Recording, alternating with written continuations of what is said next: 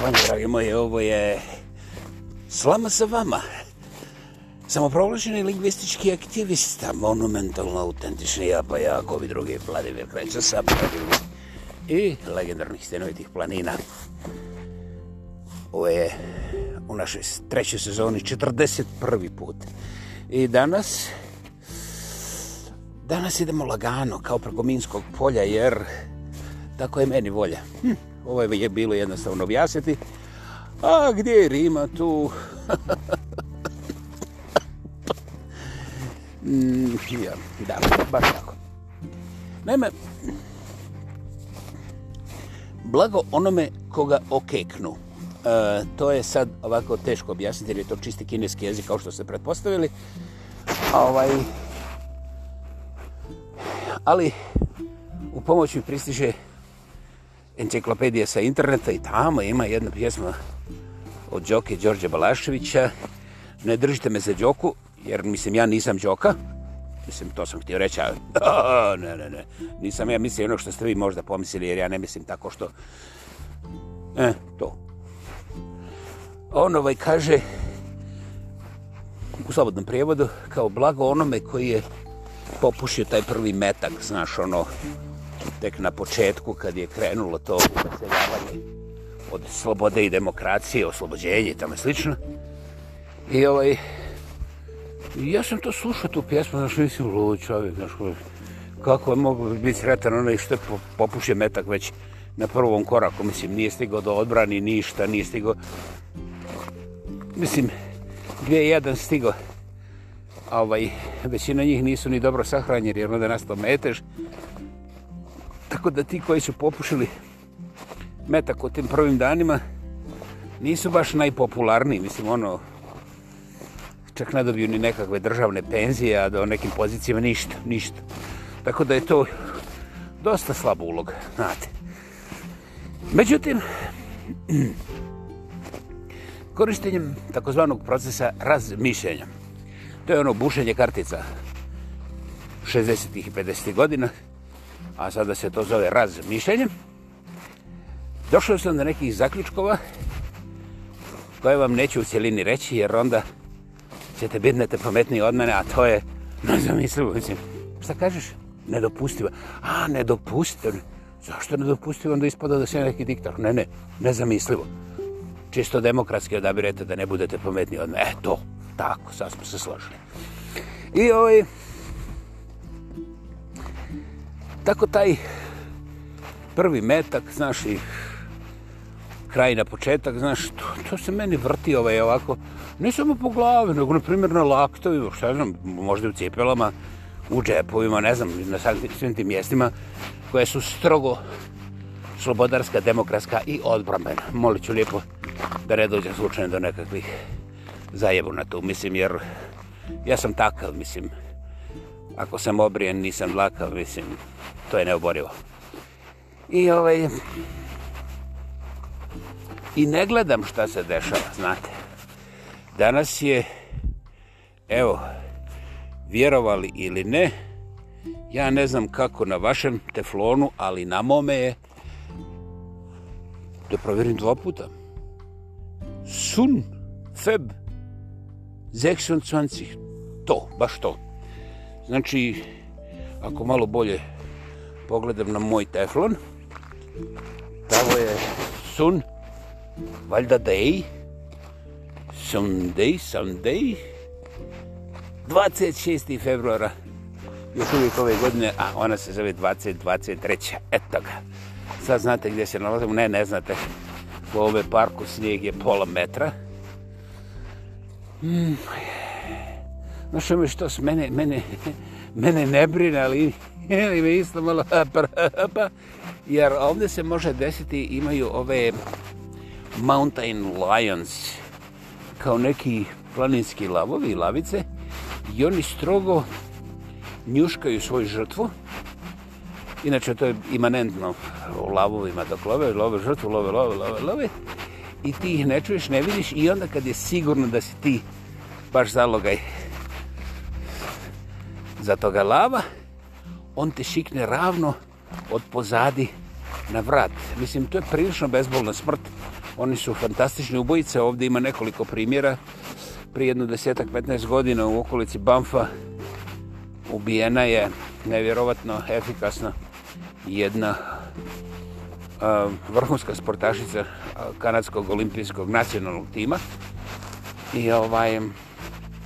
Tad sam ja prvi put shvatio da ti planinski lavovi nisu ovaj nimalo nekakve mačkice, nego da su ovaj izuzetno inteligentni i prepredene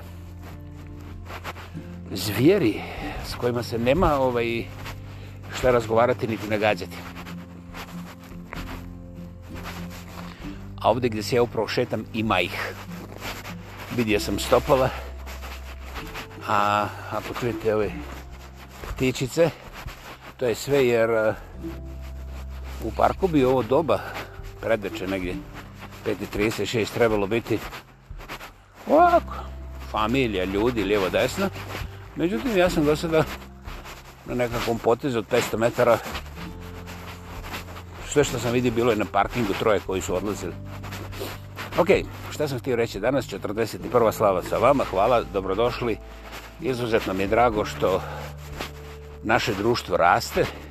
Da, dobro ste razumeli, slama sa vama se ne sluša više samo u 16 zemalja svijeta okolo planete, nego sada smo probili 20. I ja neću ulaziti u detalje, ali boga mi, puno mi to znači, pa evo zato se hvalim, jeste ovo je hvala, hvala, samo hvala, hvala, hvala, samo hvala. I hvala vama koji ste u stvari odlučili da nam date svoje povjerenje i malo vremena da poslušate o čemu i kako mi to ovdje zborimo nastavim da povegnem od televizije. Ne diram ove takozvane novine, jer nije to da ja štedim drva. Znaš, mene je ekologija prošla davno, a možda ja nikad nisam bio ekologičan, znaš. To može također biti neka od mogućnosti, međutim, ne diram novine, jer čoveče, kakve su to sve ovaj, istine koje oni tamo tresu po... Mislim, šta ću jedan ako me ta nekad istina pogodi ili zahvati ili ne znam kako vi to objašnjavate sebe, ali čoveče, um, ono što sam ja bježeći od rata u svojoj bivšoj raspadnutoj državi koja nije bilo moja, koja, koja je bilo od nekih drugih, ispostavilo se da ja nisam čak ni mogao naslutiti od kojih. Ovaj, međutim, Ja sam prošao te sve agonije kada moja vlastita familija misli da sam kurven sin, razumiješ, kukavica, kada ovi govore ono, oni govore ono, to mi je toliko nepoznato da vam ja to ne mogu objasniti, sve sto lijepe riječi koje se ovaj, dragom Bogu hvala, mogu zaobići uz dobre psihijatrijske tretmine, tretmane i termine, jeli, da bi dobio tretman, moraš biti na tretmane, da, da, to je to, kako sam pametan. Ovo ovaj, je, Tako da veličina rata doista ne igra u luk. Znate, jer e, to mi je isto kao veličina kite, znaš ono, kad ti zavuče na tjesno, onda ti oči iskaču, pa svejedno da li je mala kita ili velika kita, znate. Pa, ovaj, sa ratom je ista stvar. Čim počnu da se ubijaju ljudi, onaj prvi je previše, a svi ostali se možda broje, možda ne broje, važno je što novine kažu, eto, to je to, završena priča. Uglavnom, dok je bjesnio rat u toj mojoj bivšoj raspadnutoj, kao, kao mojoj i kao raspadnutoj, mislim, raspadnuta jest potpuno, to je, to je istina, raspada se čak i danas interesantno, samo ovi ne vide. Ovaj, I e, onda se ne došao u Beći, i to mu je bio šućmu tih američkih nekakvih crkvi, religijskih grupa, udruženja, obrazovanja, pomoći, oblačenja, svlačenja. Mislim, nevjerovatan humanizam, ono, jednostavno nije mi jasno, ono, kad će početi da nas guzu, znaš, jer danu ti jedan obrok, drugi obrok, pa onda čak dođeš i do kreveta u toploj sobi, I sad na svakom koraku čekaš kada će doći naplata. Ovaj, dakle, ja sam dužnih tih, tih američkih uh, vjerskih misija po Europi i ja govorim sada o 990. godini, što naravno nije njihov početak od toga, od toga doba. Ovaj, evo samo malo. Oni su tu prisutni ne od Kolumba, taj im nije dobro sjeo, ali su prisutni dugo, dugo vremena. I ja bez ikakvog cinizma, ne samo da moram, mislim, to je nekako trlja, trla babalan, nego osjećam se, osjećam se, da, osjećam se dužnim, da li sam izmanipuliran ili nisam, o tome ne mogu da govorim ni slučajno, ali osjećam se dužnim da da pljucnem, dobro. I da tim ljudima ovaj, ostanem zahvalan, stvarno zahvalan. Mislim, u tome dijelu priče ja nisam imao, ne mislim na oblike tih nekakvih, nazovi, rješenja, nego 90. Ha, ha, ha sučekajte malo. 90. godine nisam imao ideju kojeg Turca iranskoga bi ja radio u Evropi, znaš, jer to oslobađanje Evrope, ujedinjavanje Evrope i mislim sve te stvari, ja ne ništa protiv toga, neka ljudi rade, meni je bilo dobro u mom selu, tu malo možda okolice koja je dvati krasevog. I ovaj, ako mi neko dođe pa kaže kako sam ja zatucan i konzervativan i šta ja znam, neko uzme ključ, otvore konzervu, šta ja znam. Ovo, ovaj, uglavnom, nije mi se nikada išlo. Nisam bio zainteresiran za nove demokracije, ekologije i globalizme. Sad ćete reći da sam ovom sam... Ne, ne, reci šta god hoćeš, ja sam naučio da ja mogu da pišem uzvitar koliko god hoću i ako neko odluči od ovih batinaša da se to zove freedom i demokracija, onda ćeš ti da najbeš što moje pišanje uz vjetar ne zoveš freedom and democracy. Ok, zapamti ovo, nemoj slučaj da ja kažem svoje ove.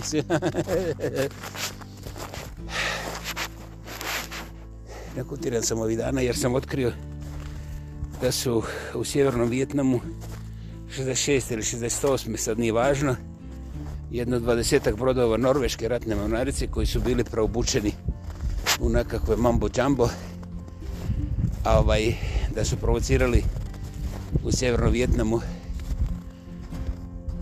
po nalogu one ciknute ideologije američke CIA, jeli? I ovaj, da je to u stvari pripremilo otvaranje rata u Vjetnamu 60. i 70. godina. A, slobodno se nemojte slagati. Zašto da se slagam? Ja ovdje ne tražim slaganja, znate. Ovo nije izlaganje nekakve religije u kome vi, znate, morate da se složite sa mnom ili trebate da se složite. No, no, no, no, no, no, no. Ovo je slama sa vama, ovdje je sasvim okej okay da vi kliknete i da odete na drugo mjesto, da ne slušate ništa ili da poslušate pa da kažete pa, ha, ili da ne kažete njak ništa, eto ga. Tako da ja ne očekujem slaganje od vas. Ja ovo govorim zbog toga što to vam daje osnovu da shvatite od kuda meni, otkuda meni ta priča, zašto ja u stvari još uvijek javno govorim o nekakvim stvarima i otkuda onda dolaze te stvari o kojima ja govorim. Govorim ako se vi ne slažete, to je kompletno okej okay. dokaznog postupka u suprotnom ili u ovom službenom pravcu neće biti niti slučajno. Uglavnom, ti Norvežani su tada 66. 68. izaberite, uzmite Google, provjerite. A ovaj, to ćete teško naći, morat ćete koristiti neku kombinaciju. Search mašina i ovaj... Znači, to je potpuno organiziran inženjerski dogovoren i planiran ne sukob, nego protirivanje tih komunista, razumiš, koji rade ovo, koji se ne složu sa demokracijom i tako dalje, tako dalje. ono što je mene zanimljivo je da nikad niko u mom životu, evo, da cijeli moj život niko nije spomenuo Norvežani, Norvešku ratnu monarcu, koja je ne jednom izvršila prljave poslove za CIA, jeste doslovce, to je ona Central Intelligence Agency. A kad sam ogovorio za onaj prvi metak, onda sam u stvari stvarao libi za sebe, govoreći o nečemu što je puno važnije za mene, a to je da ne želim ulaziti u detalje i ne želim uvjeriti nikoga u ovo, jer sam naučio da ti dereni koji pripremaju teren za velike korporacijske ovaj, prodajno-kupovne transakcije, to su inače ratovi, bilo koji u zadnjih 100 godina izaberite, ovaj, da oni um, potpuno ignoriraju ljude koji znaju sve detalje, sve do onog momenta dok se ti ljudi ne čuju. A ja se nalazim na nezgodnoj granici od 4 4,5 tisuće eh, slušatelja, vas koji slušate ovo i ovaj još uvijek ne bih rekao da sam pretirano siguran ali ako nekim slučajem probijem 10.000, onda ove stvari neću više nikad ni pomenuti, jer e, to nije prostor gdje one naruče da te neko ukoka ili da te slučajno auto spregazi u, u gradskoj gužvi ili, znaš, da padneš s prozora kao kod, kod gospodina Krutina. Znaš, jer uvijek ima budala koje su, koje su presretne da napravi, ne znam, tako, to ih uzbuđuje, znaš, to im je, to im je onako draže od seksa baš tako, jer to je taj uh, hormonalni bljesak koji je ovako ua, ua, znaš, i onda oni imaju opravdanja, a čak se dobiju nekakav, nekakav dolarčić i onda oni nemaju nikakav emotivni odnos prema vama, znaš, samo, samo vas otklone, kao na primjer iskorišteni WC papir koji je nekim slučajem pao na hodnik, a ne u svodnik, mislim slivnik. I ovaj, Dakle, ja nisam hrabar, ne, ne, nikada. Ja sam jasno ovdje govorio i da sam kukavica, tako da molit ću lijepo, nemojte da, da mi to zaboravite. Gospodo ganjatori slobode i demokracije, nemojte nikada, jer pošteno je pošteno. Ja znam da ste vi kurnici, mislim, borci za pravo i slobodu, ali treba znati da sam ja kukavica. I onda ja nisam osjetljiv na prijetnje. Znači, nema veze sa hrabrošćem, nego sa kukavičlukom.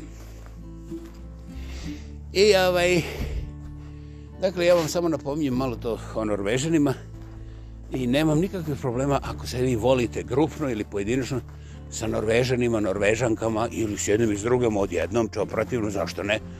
Ovaj, uh, ne bi ulazio u detalje. Međutim, šta to govori? Pa evo, ja ću vam samo pomenuti taj nesretni Vjetnam. Ovaj, tamo su ljudi proženi sa najgrđim, do tada najvećim količinama bojnih otrova s kojim se uništavala ne samo ekologija, nego i sama biologija. Dobro ste čuli.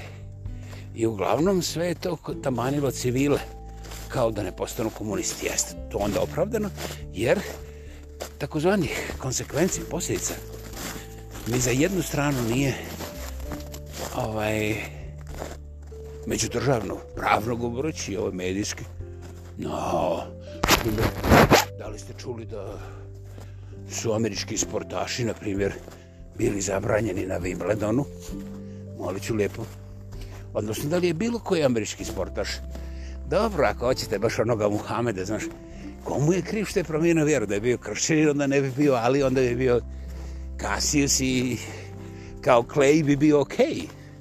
Mislim, to svi znaju, prošle 50 godina, mislim, nećemo o detaljima. Međutim, interesantno je da međunarodna zajednica pogledala na jednom takvom sportašu, ovaj, nije mogla da učini ništa.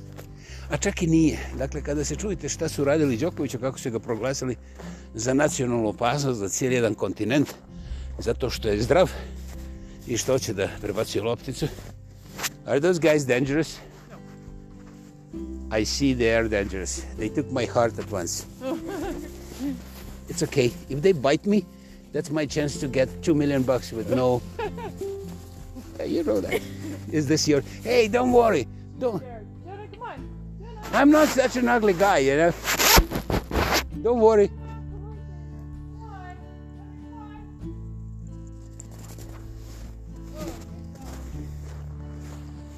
Ok, imali smo situacije. Dakle, ako pogledate iz kuta, recimo šta su radili Đoković, normalno, Đoković tome velelepnom i najdemokratskijem i najpoštenijem svijetu koji živi od principa zakona i pravila, se može odigrati kao nacionalna opasnost. Brutalnost takve tvrdnje koja je onako prije svega mazohistička ovaj, samoeliminacija iz bilo kakvog kognitivnog prostora, bilo koje bakterija, ne samo čovjeka. Tu gospodu uopće ne znam, nisu, nisu, nisu, ovaj, nisu zainteresirani, jer onda oni dokazali da je Đoković piške jednom kad izašao sa treninga gore negdje na banjici, on je piškio u lokalnom parku i jedna baka sa 14 kata je videla kako je natresao kitu uz, mislim, u tome parku kad je ispišao se, znaš. I to dokazuje da je smrad, čovječe, inače, svi su ti koji dolaze za tamo smrad. I kako takav smrad ne bi mogu biti opasnost za 30 miliona poštenih australijanaca koji su dali sve od sebe da zaustave to zlo. Također, proizvedenih situacija, ali to je već neka ljepša priča za medija, ne za mene, ovo je ipak slama sa vama, 41. put u trećoj sezoni. Ah, ne da, morat ću ponoviti to. Samo proglašeni lingvistični aktivista. Ja pa ja, monumentalno autentični. Ako bi drugi, Vladimir Kreća sa prelipih i legendarnih stinovitih planina. Dakle, dragi moji, kao što vidite, principi, morali, poštenja, to mislim, to tako ide slijeva nadesno od tih derana koji proizvode najviše oružje na ovoj planeti, da jednostavno, ko drugčije kaže, odma dio proizvodnje, one proizvodnje za odbranu, mislim, a sve američke rakete, onda ovi nuklearni i posebno ovi otrovni arsenali razno raznih otrova, što je znam ono što su u Vjetnamu pržali cijele, cijele pokrajine. Samo su pržali što imali. Sve je tu za širenje slobode i demokracije. Nikako nekakav tamo teror i nepravedno, znaš, diranje nečega što ne pripada tebi. Ima sve to pripada, pogotovo ako ovi pomisli da su komunisti, onda to sve pripada Americi, završeno. Čim pomisliš na komunizam, to je čista demokracija. Evo, pitajte mene, ja ću vam to ponoviti. Znači, ti pomisliš na nešto što je suprotno američkom interesu, ne mome, ja nemam dovoljno oružja da ja imam neke svoje interese. I onda ovi kažu, hm, skćeš, češ, srab, srab, nike patike u Pekingu koštaju 4,5 dolara. Čist komunizam. Ugnjetavaju radnike. I ti onda uzmeš te nike patike i kažeš kinezima, evo, ja ću vam platiti 30 centi na sat, vi radite, ja ću se žaliti što vas vaša država tako ne plaća kako Bog zapovjeda. I onda ću uzeti te vaše nike patike, cijelu proizvodnju, zadnjih 40 godina. I ovaj, umjesto da je prodajete vi tu i da patite se u Kini za 3 do 5 dolara, ja ću ih prodavati po 200-300 dolara u Jorku ili što ja znam, okolo svijeta. I ovaj, zadržati novce, jer novci su prljavi, oni izazivaju kod vas pomisli Freedom and Democracy i vi ćete onda to slučajno spomenuti onda će se ovi od Mao Tse Tunga odmah naprava spitavanje u te radne logore. Dakle, mi vas spašavamo, samo vi proizvodite nike patike na kvalitetu koju mi hoćemo i onda je sve ok, a mi ćemo praviti u Njorku kad se nike patike prodavamo po ne znam, prosječne cijene 200 dolara, mi ćemo onda praviti ove freedom rallies gdje ćemo govoriti o slobodi radnika u Kini i o monstruoznim zločinima komunističkog režima Vjetnama Kine, pa bilo ko drugi se usudi doći na listu odmah, jer mi ne želimo da propustimo priliku, jer da prokažemo komunističko zlo, jer oni su nepravedni, oni su neprincipijelni, oni su kontra slobode, a eto i tako dalje, sad izvlačite zaključke, ali ja pretpostavljam da nećete ništa izvlačiti, jer izvlačenjem možete da zapravo ovaj, i izvučete, na primjer, čekaj da vidim, kako se to kaže na latinsko, deblji kraj. Šta to znači? E, tu. Morat ćete pitati pametniji od mene. Dakle, ja sam stari, stari, stari djed, ovaj, tu čak sam ove godine živa, nisam prošle godine to planirao. I ovaj, ljudi, ja nisam hrabar, ne zaboravite, rekao sam da sam kukavica i ovaj, ja se čudim što, što sam živi ove godine. I ako, ako ovaj, gekrem sljedeće godine, onda vi nećete morati slušati sama sa vama. 40 neki put u trećoj sezoni. Ozbiljno. Ovaj, I tu nema problema, znači to je okej. Okay. Međutim, dok se to ne desi, valjda razumijete da sam ja skoro 70 godina gledao i sam sam bio oduševljen kako Ameri šire slobodu i ovaj, demokraciju gdje im god padne na pamet. Čak najviše tamo gdje ih niko nije tražio niti pitao šta god. Oni odluče gdje će to širiti i samo šire. A ako treba da suze i to može i onda opet puknu zadovoljavajući broj bombice i to se onda raširi. Mislim, čuda živa. Prosječan Amerikanac više pojma nema koliko ratova je Amerika ovaj, vodila u ovih zadnjih 100 godina. Jer od završetka drugog svjetskog rata najratobornija nacija na ovoj planeti su bili Amerikanci. Najviše oružje su proizveli Amerikanci. A onaj koji proizvede najviše oružje znači nema njega proda. Ili ga najviše isporuči i preproda. Eh, ne znam, vi odlučite, ja, ja tu nisam baš Ovo, ja sam ipak iz zaselka, nisam ja čak ni iz pravog sela. Ali, e, međutim, ima, ima jedna stvar koju mene kao poštene seljaka stvarno onako impresionira, fascinira, nogira, blesira i, i ne znam šta još sve. A to je da sam ja već dio života gledao jedina guza koja može biti seksije Marilyn Monroe, na primjer. Ili Dobro, vi mlađi možete zatvoriti uši. Ili, na primjer, znaš, struki guza od ove Raquel Welch. Raquel Welch, je li? Okej, okay. ili Welch. Zabavljaj. Razumiješ? Tu i tamo možda neka Gina Lolo pročita, ali samo nekad je u Italiji, nego kad ode u Hollywood. Jer muda Hollywooda su najmodastija muda na ovom svijetu. Drugih muda nema, mislim.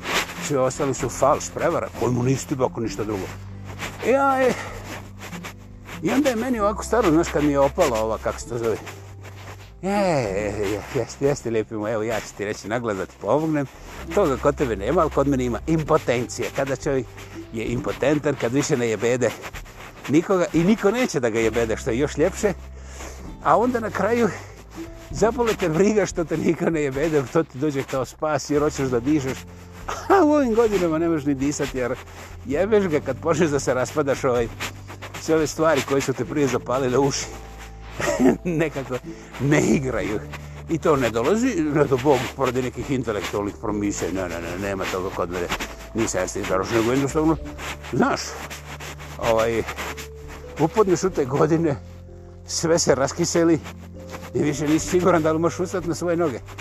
Ne, ne možeš svaki dan ponekad ni stav ne pomaže. Dakle, sad mi možete vjerovati, kada vam kažem, jer sam totalno bezopasan, da, cijelog života ja sam sa njom guzin Merlin Moro. Jebote Bog, nisam mogu biti čak ni peder, ima ti muški guzic u lijevo desno. Ali nisam imao talenta, ili sam vjerovodno gledao previše tih američkih slika, slikica, filmova, filmčića i tako dalje i... Znaš, rekel, da, meni smo morali, kako god okreniš. I ovaj, onda se sjetim Mare Fokare, ovaj, ove Fate tu, što je bila dolje, pa onda ove druge Mare, pa onda... Jebote, te ženske su bile jedno sto puta ljepše. I ovako kad malo boje razmislim, one su se strašno smijali, bile ljubazne. I, i ove, ovaj, nemojte nikom reći, ali meni se čini da sam ja bio uobražen jer pošto se ne zvala Mara Fukara, ja sam mislio da je to škart, jer ne zove se Raquel Welch, mislim, ne zove se Marilyn Monroe, ne može to biti guza, mislim, to, to nije to, razumiješ, a nema je nigdje na naslovnim stranicama. I, i ode, ode, ode Mara u Njemačku, gore u Hamburgi, ima svoju firmu, znaš, tamo je zovu Madam u toj firmi, ne znam zbog čega, a, Fata je ostala u licevima, ali vrotivno je samo da ljušti muju i sulju i hasu. Mislim, to je Holy Trinity iz viceva. Mnogo ona je proširila aktivnosti i sad je ovaj... Kako se to kaže na tom internetu? A, OnlyFans jeste tamo i širi jebote Mislim, ovaj, širi više novca nego ova Marilyn Monroe, ozbiljno. Ali neću reći adresu jer ovaj sramota me da učestvujem u takvom biznisu jer nisam ja u tom biznisu, ja, ja samo kažem, mislim, dobro, nećemo sad. I ovaj, da, ostaje nagradno pitanje. Zašto su se meni palile uši jedva 50 godina minimum na guzicu od Merali Morro, kad je oko mene u mom zaseoku bilo barem 10 boljih guza i muških i ženskih da prostiš. Nijedno nisam vidio kako Bog zapovjeda, ali Marilyn Monroe jeste jer je došla iza Marke.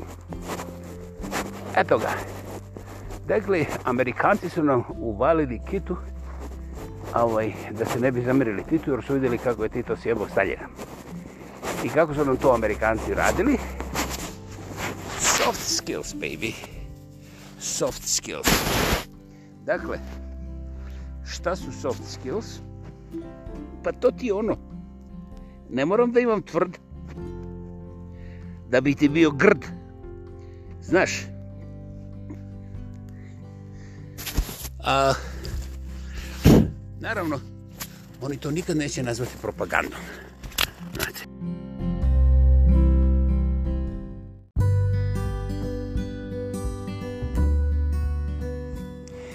Puko grom u kopri pa je prekinuo. Znači, To bi se onda zvalo propaganda, samo da rastavim malo celo što sam rekao. A gdje je propaganda? Tu nema freedom, tu nema, razumiš ti mene, ništa osim komunjare i ruske fuljare. Eto ti to je. Mislim tako pošteno na tim međunarodnim principima, ovaj, u kojima, kako god okreneš, Amerika je uvijek u pravu i, naravno, nevina. Pokazivanje ovih guzatih nekih drugarica je čisto u svrhe zadovoljavanja ovoga svijeta koji je nezadovoljen. Recimo, u istočnom bloku kao što sam ja bio, jer slušaj, šta bi se desilo da ja nisam vidio guzumer ili moro? Ljudi moji, pa to je, pa to je zastrašujuće, šta bi se moglo desiti? Ovaj, možda bi čak i marsovci mogli sletiti na ovaj mjesec, postaviti pa te ovaj, svoje zone, sezone i nekakve ovaj, baze i onda, i onda gledati mislim na Maru. I ove druge Mare iz mog zaseoka. I onda ja ne bi mogu vidjeti Merlin Morom, možda. A možda i bi šta je znam. Dobro, to je znači bilo teško, bolno, frustrirajuće. I da sam ja znao nekog u Americi, ja bi ovaj tražio zaštitu demokracije i slobode. I ovaj 10, 20, 30, 100, 150, 300 milijardi dolara, mislim, onako, da mi se nađe, da ne budem ovaj, ugrožen, ja, to, to, to. Eto ga. Dakle, to je jedna stvar koja je čisto privatna, znaš. Jedan dripac iz nekog zaseoka tamo negdje u Bosni gleda, mislim, guzu u Hollywoodu na ovim stranicama lokalne štampe koja je komunistička, ali ne može zabraniti guze ovih hollywoodskih tih nekih veličina. Dakle, ovdje je imeni muka. Nećemo ovdje priče. Ali hoćemo navesti jednu malu sitnicu. A to je... Ja vas neću poslati da tražite okolo po enciklopedijama. Ali ću vam reći šta je za mene sramota. E, ja vrlo rado izbjegavam sve komentatore i sveznalice, posebno naše ljude. Svaka čast rijetkom broju izuzetnih moj naklon za jednoga nisveta, moj naklon za jednoga Ivu, moj naklon... Čekaj, ima li još ko? Ima, ima Emir, sreo sam Emira. Emine, oprosti, ti si sjajan, ali odjebao se. Ti zlopotrebljavaš svoju inteligenciju da bi čačkao i otkrivao kako sam ja nesavršen. A, a, a to je meni dosadno, to mene nimalo ne veđe, nego mi je dosadno. A posebno mi je dosadno zbog toga što znam da tvoja inteligencija nadilazi a, sve oblike ciničnog prepucavanja koje su, eh, i sam znaš, radio s ljudima svakodnevne i samim tim nekako dosadno, znaš, nije ono da ja ganjam neku pamet, nego znaš, kad ti neko ponovi da Merle Moro ima najbolju guzicu, jebi ga ti impotentan, onda eh, nakon 47 puta zgadiš ti sam sebi, i hoćeš dopustiti da te jebede magu iz zaseoka donje gornje ili ne znam koje vukogrebine, znaš ono, samo da prestane mučenje, jel? Dakle, ja sam se odustao od tih razgovora jer te teorije su, uu, uh, samo tako je. A, bolje da ne zamišljate, ali ja znam da hoćete jer ste svi već modulirani i ondulirani sa ovim mas medijskim prostorom već ne primjećujete kako ste zloupotrebljeni i kako vas svakodnevno siluju, kuvaju, lažu i to bezdušno, a vi samo se oduševljavate ili kao smišljate neku svoju varijantu, a u suštini vas niko ni za što ne šljivi. Naravno i mene, ako baš hoćete da znate. I sutra kad odlučite da pritisnu crveni gumbić, mi ćemo naš dio nuklearnog ovoga otpada sažvakati da li živi, da li mrtvi, blago onome koji to ovaj, popopa u prvom naletu, jeli, to je moje višljenje. Međutim, ono što je posebno zanimljivo, a ja ću s tim ovaj, danas da završim u trećoj sezoni naš 41. podcast Slama sa vama, od gospodina samoproglašenog lingvističkog aktiviste Monumental Autentičnog, Ja pa ja, Vladimir Kreće sa preljepih i stirovitih planina. Bum! Ovo je to.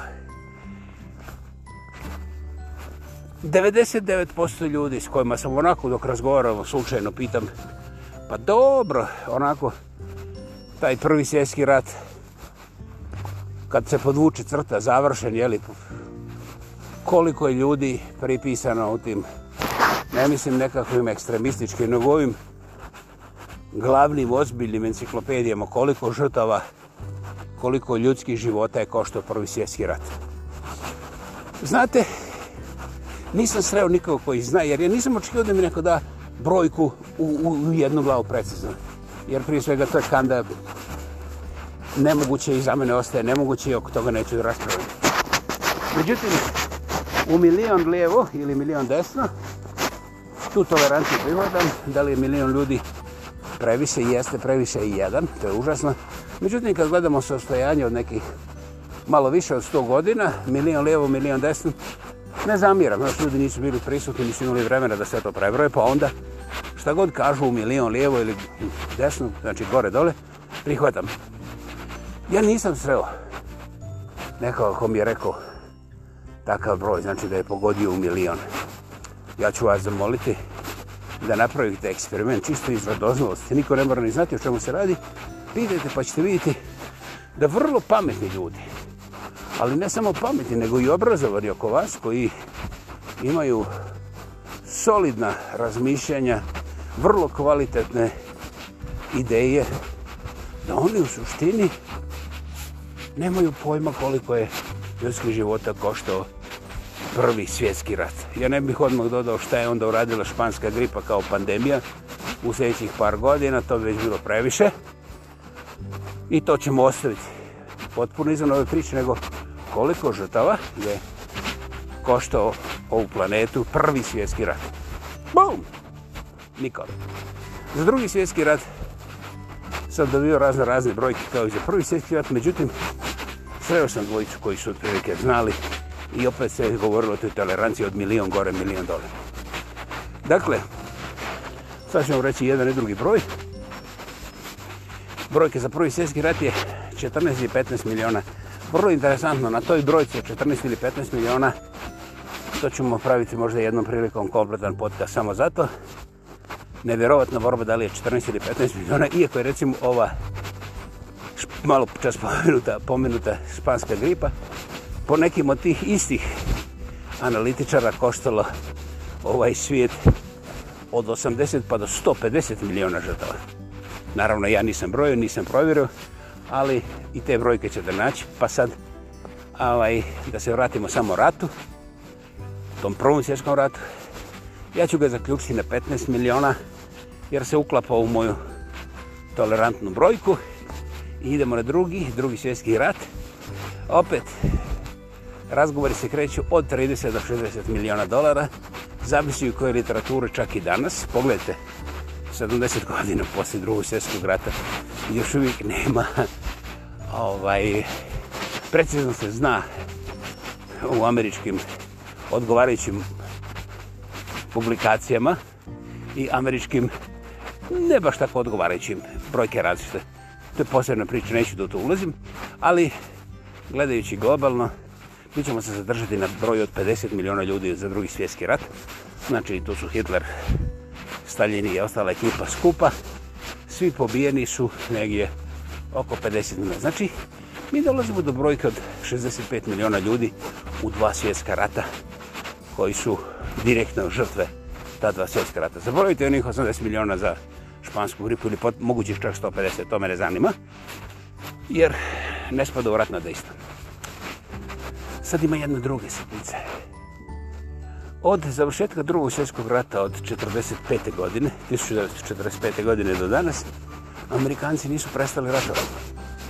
Znate, za sve vas koji mislite da ja s ovim navijam za Putina, popušite Putinu pa možete i meni, znate. A ovaj, kad ste već toliko navalili, kad znate za koga ja navijam. Inače, ja ne znam kako vi otkrivate za koga ja navijam, kada nećete primijetiti da ste neznalice u svojoj vlastitoj koži. Razumijete, gdje je vaša odgovornost prema vašem vlastitom djetetu? Ako vas djete pita, tata, koliko je ljudi najbalo u cijelom Prvom svjetskom ratu? Vaše djete nije pitalo koliko je švaba pobilo koliko francuza ili zašto su englezi radili ovo. Ili, ne do bog, moje braće kanadjani koji su masovno, po mome mišljenju, to je moje mišljenje, maltene genocidirani. Naime, oni su smatrani kao jeftinija roba da zaštite britanske vojnike i gurani su u prve redove skoro 700 tisuća mladića u najboljoj životnoj dobi je izgurano da svojim tijelima štiti britanske vojnike, jer ovi su britanci imali čistiju krv od ovih koji su dolazili sa zapada iz Kanade. Jeste, kanadski vojnici koji su dragovoljno išli da brane imperiju su poslati kao doslovce topovsko meso i skoro 700.000 ljudi kanadskih mladića je pobijeno kao, kao psi su pobijeni na frontu. Oni su bili živi zaklon ovoj ljepoti i pamet, pametnjaković ovoj Evropljanima. Uh, Sreo sam nekoliko ljudi koji to vrlo dobro poznaju i prate i onda sam naučio mehanizam gušenja razgovora o takvom ne samo bolnim temama, nego temama koje u stvari pokazuju apsolutnu dvoličnost tih pravednih demokrata, boraca za slobodu i tako dalje. Međutim, to nije sada ovde prostor, jer mi ipak nismo edukativna emisija. Međutim, pronađite kada je neka vojska izgubila 700.000 vojnika u zadnjih 100 godina, u manje od 2,5 godine ratovanja. Onda ćete imati neka druga pitanja, međutim, ja hoću da završim ovu emisiju i o njoj govorim kako je to prvi i drugi svjetski rat su koštali cijelu ovu planetu rekao 15 miliona plus 50 65 miliona oba svjetska rata a kad su oba svjetska rata završila 45. amerikanci su počeli jeli da odbranjuju svoje oružje da odbranjuju sve nas i da nam pokazuju pravac za demokraciju i tako dalje ja ne znam možda je to jedini način jer da Amerikanci nisu počeli da nas kokaju na bilo kojem dijelu planete gdje god smisle da to ne godi njihovim korporacijama, možda bi mi postali marsovci. A možda se ne bi nikad razvali u poštene marsovce, možda bi, možda bi ostali ljudi. Ljudi moji, pa to je sve misterija, ko bi to znao? Jedino Amerikanci, naravno demokratski i slobodno. E, eh, ti Amerikanci koji nisu prestali da rataju i da više nego bilo ko drugi proizvode sredstvo za uveseljavanje demokracije i slobode, znači od, od napal bombi do zumba aviona, nuklearnih tih nekih raketla, strategijskih podmorica koje mogu da te vedu tetku u Teheranu, a uopće ne moraju doći tamo i tako neke druge stvari. Dakle, ti Amerikanci su u ovih 70 godina poslije drugog svjetskog rata uspjeli da pobiju više ljudi nego i prvi i drugi svjetski rat skupa. Ako se uzmu te takozvane kolateralne štete i nenamjenske i negađane te žrtve i onda ta malo šira kolaterala, onda po nekim autorima, u čemu ja neću ovaj, da zauzimam stranu, ja samo kažem da se to može naći na internetu ako češkate, onda brojka prelazi 100 miliona. Znači, možete uračunati sve Staljinove gulage na prva dva svjetska rata i sve Hitlerove Auschwitze i oni opet nisu pobili ni pola koliko su pobili Amerikanci šireći demokraciju i slobodu. E, sad ja vas pitam, šta bi se desilo da Amerikanci nisu širili slobodu i demokraciju. Ja ću vam reći vrlo jednostavno. Barem 100 miliona ljudi bi bilo više na lokalu, a oni prde, to je proizvodnja tih gasova. Tempera... Već, već bi se otopio i sjeverni i južni pol. Znači, Amerikanci su nas spasili ubrzanog zagrijavanja planete s tim što su ukloni tih 100 miliona vonožnjaka koji samo prde i mislim hoće komunizam. I to je onda dokazalo da mi imamo slobodu i kao što vidite danas je naša sloboda najslobodnija od svih sloboda koje su ikad bile slobodne. I ovaj, vrlo je važno ovaj, u tim principima i moral, moralima jer eh, Amerikanci su ponosno kršćani koji rade sve živo za židove. Ovaj, a Islam ne mrze dok ne dođe Osama Bin Laden, onda su spremni da, mislim, da pobiju 150.000 djece u samom Bagdadu i okolici, onako, čisto da pokažu šta su principi te stvari, mislim, slobode demokracije, kako se to zove. I, aj, ovaj, znate, ako vi danas krvarite negdje, pa to je zato što se niste složili s Amerikom na vrijeme. Ovaj, I u američkoj javnoj misli postoji vrlo jednostavno ovaj, ta nekakva, jeli, li, nit koja kaže gdje je god šansa da širimo demokraciju, slobodu i ovaj oslobođenje, tu, tu odna Amerikanu stenje, mislim, završeno. Ovaj, I to je dobro, čim prije počnete tako gledati, može vam se desiti da čak i poživite malo duže zbog toga. Ali, bit će vam skuplje u svakom reču, jer oni, oni poštuju tržišne odnose sve dok ovaj, njihove ove korporacije dobivaju. A ako nekim slučajem ovaj, ispostavili, ste, ispostavili ste da vi imate neke resurse koje njima trebaju, onda je to dokaz da ste ili komunista, ili Putin, ili ste ovaj, jednostavno pobrkali lončiće i oni će vam to doći sa svojim ovim aviončićima, satelitićima, ovaj, bilo kojima i odak dalje, da vrašite situaciju da vas oslobode toga problema i da preuzmu jeli management koji jedino oni znaju kako se radi slobodarski, demokratski i slobodarski. E, to, to. A, eto, tu vam je odgovor zašto ovi imaju sankcije do, do groba, poslije groba i nad grobom i ispod groba i, ovaj, i, i da je to sve velikodušno jer ovi su umjesto sankcija mogli implementirati nešto puno gore. Na primjer, mogli su ukinuti Hollywood. Nema više filmova. Nema više duplerica sa ovim guzama. Kardashianke jesu masne, znaš, okol su bogoti, čuviš. Svaki dan kad on pokaže guži četinu, ono, 100 miliona, puc! Jebote, to nema nigdje u svijetu. Kad neka ženska u Teheranu pokaže obraz, ovi je u kokaju. A kad u Americi pokaže predebelu guzicu ovaj, i prodaje tamo neke pomade, Ono u jednom danu krene 100 miliona dolara. E, pa ti reći da to nije demokracija, mislim. Ali, ovaj, to je vrlo interesantno. Alisa u zemlji muda i ostale bajke nekom drugom zgodom. Ja nisam želio da vas uvučem u bilo kakve dvojbe dvoumljenja o nekakvim mogućim sumnjom. Ne, ne, do Bog. Mislim, Ja sam htio da vam budem jasno, priopćenik, nisam rekao paćenik, priopćenik jedne vrlo jasne ove crte koja je linija svobode i demokracije uvijek u odbrani, nikad u napad, jel' Bože moj. I ovaj, svi koji ne misli kao ja, ne mogu biti demokrat. Znaš, jer, kako je to demokracija koja, koja može da bude jednaka kod pere i džure? Čuro je pijen svaki dan, znači nema šanse. E, a jedini čovjek koji kuži demokraciju je pero. Znači, on je mjerilo demokraciju i on je taj koji određuje šta je demokracija. Eto. Tako, ako malo pogledate, što je intelektualan primjer, ako pogledate ovu planetu, će će Kineze biti demokrate, mislim.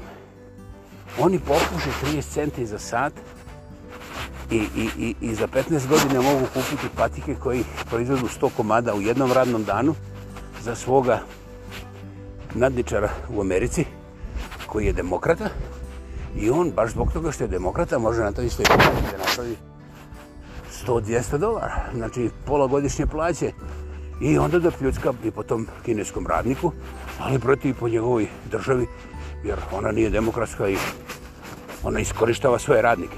A ovo što se upije krv, mislim taj novac, jeli, on to radi demokratski, oslobodilački.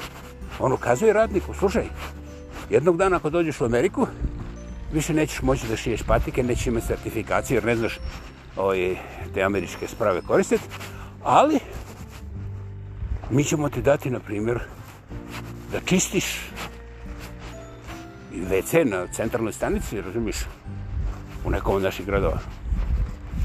Mislim, teško je objasniti pravu demokraciju, ali je vrlo lako reći. To je ono što amerikanci kažu. I to je tako. Znači, ovaj naš svijet je vrlo, vrlo lijep i amerikanci reći što je demokracija. Još samo da nekako ukokaju ovoga krutina, jer ovaj, ako ga ne ukokaju na vrijeme, onda postoji šansa da taj krutin opandrči ovu nuklearnu nekakvu spravicu i da nam sjebe demokraciju, mislim. Ja stvarno zamoljavam Amerikance da ušetkaju krutina i to što prije, jer mislim, mi smo zauvijek opredeljeni za našu pobjedu, jer naša pobjeda je ono što garantira slobodu i demokraciju. I to odbrambeno uvijek, naravno. Uh, ako vam se ne sviđa moja strategija, onda ste vi vjerovatno Rusi i bježite odavde što prije, jer ako vas prepoznam, odmah ću dojaviti mojim ovim handlerima šta vi tu radite i ovaj neće vam biti dobro. Dakle, nemojte ništa kontra demokracije, ništa kontra slobode, jer ovoga to nema šanse.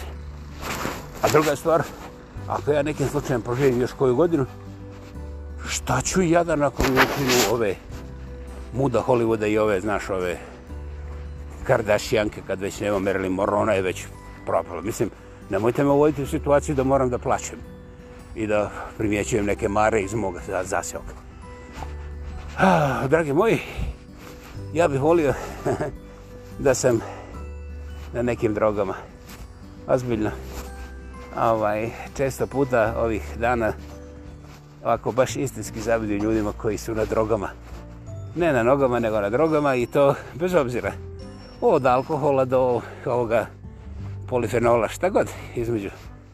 Jer ovaj, ja sam čuo da to sa drogama hercera, ono, pa ovi mogu da pišaju po tebi, šta je znam, ne znam, čak i demokratski mogu da pišaju, ne moraju da pišaju, čemu radi pišanje. I ti, ovaj, ti se keziš, tebi se ravno. I ovaj, zato mi nekako sve draže to razmišljati o drogama, mislim, jer, ovaj, jer, jer, Jer sve što kažem, naravno da nema veze. Naravno, če, otkud bi imalo nekako veze. Pa ljudi moji Amerikanti nisu ništa do ovoga dobro, što sam im ja upravo ovaj, ispripovjedao. Dakle, ja možda i nisam demokrata, vrlo, vrlo, vrlo vjerovatno. Ovaj, I govorim svašta što mi nije odobreno da govorim. A ne bih sad ostalo. I imajte na umu, okrenite se oko sebe i primijetite da ako slučajno skrenete sa crte da ste nagazili na liniju, onu crvenu, koju propovjedaju samo oni koji mogu da vam interkontinentalnu bućnu korektiv u vaše dvorište. Ovo nije sarkazom. U tome duhu i sluhu ja vas u zahvalnosti najljepše pozdravljam i ako ne bi na ovih nuklearnih eh, zagrebancija, onda ćemo se čuti za 2, 3, 4, možda i 5 dana, ali ja nastavim malo prije, sada već dolazi proliče po brzavom. Bila je ovo 41. slama u trećoj sezoni, slama sa vama, samo proglašeni lingvistički aktivista, monumentalno autentični, ja pa ja, ako bi drugi Vladimir kreća sa prelijepih i legendari stenovidih planina. Živi bili, hvala.